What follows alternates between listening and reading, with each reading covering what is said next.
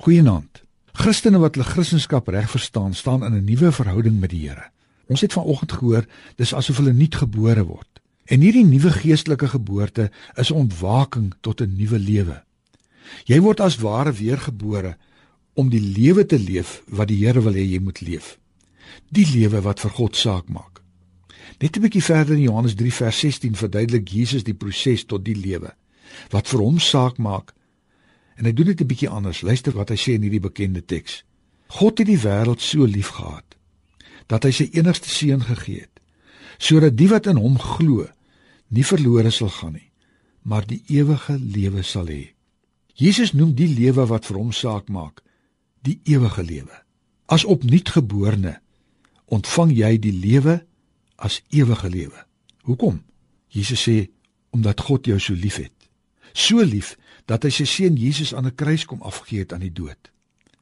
En hy help my om dit te aanvaar en vir myself persoonlik toe te eien met my hele wese. Dis waarom Paulus geloof 'n gawe van God noem. Glo ek dit, dan dra ek 'n nuwe burgerskap. Ek kry 'n splinte nuwe paspoort. Dit maak my burger van die ewigheid. Maar dit neem my ook deur die wêreld. Met die paspoort stap ek God se teenwoordigheid binne die dag as ek sterf. Maar dit gee my ook 'n nuwe manier 'n nuwe manier toegang tot die lewe hier en nou. Jy vra nou wat word anders? Jesus sê die lewe word anders. My lewe in hierdie wêreld wat hy so liefgehad het, dra die karakter van iemand wat in 'n nuutgebore verhouding met God leef omdat hy werklik glo. Alles wat ek in hierdie wêreld lewe, elke dag doen, behoort die eienskap wat ek in Jesus bygekry het te vertoon.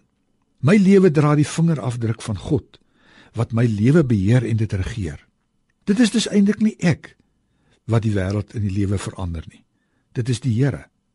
Hy doen dit met sy vingerafdruk op my lewe. Mense herken nie vir my nie. Hulle herken hom in my. Bid saam met my.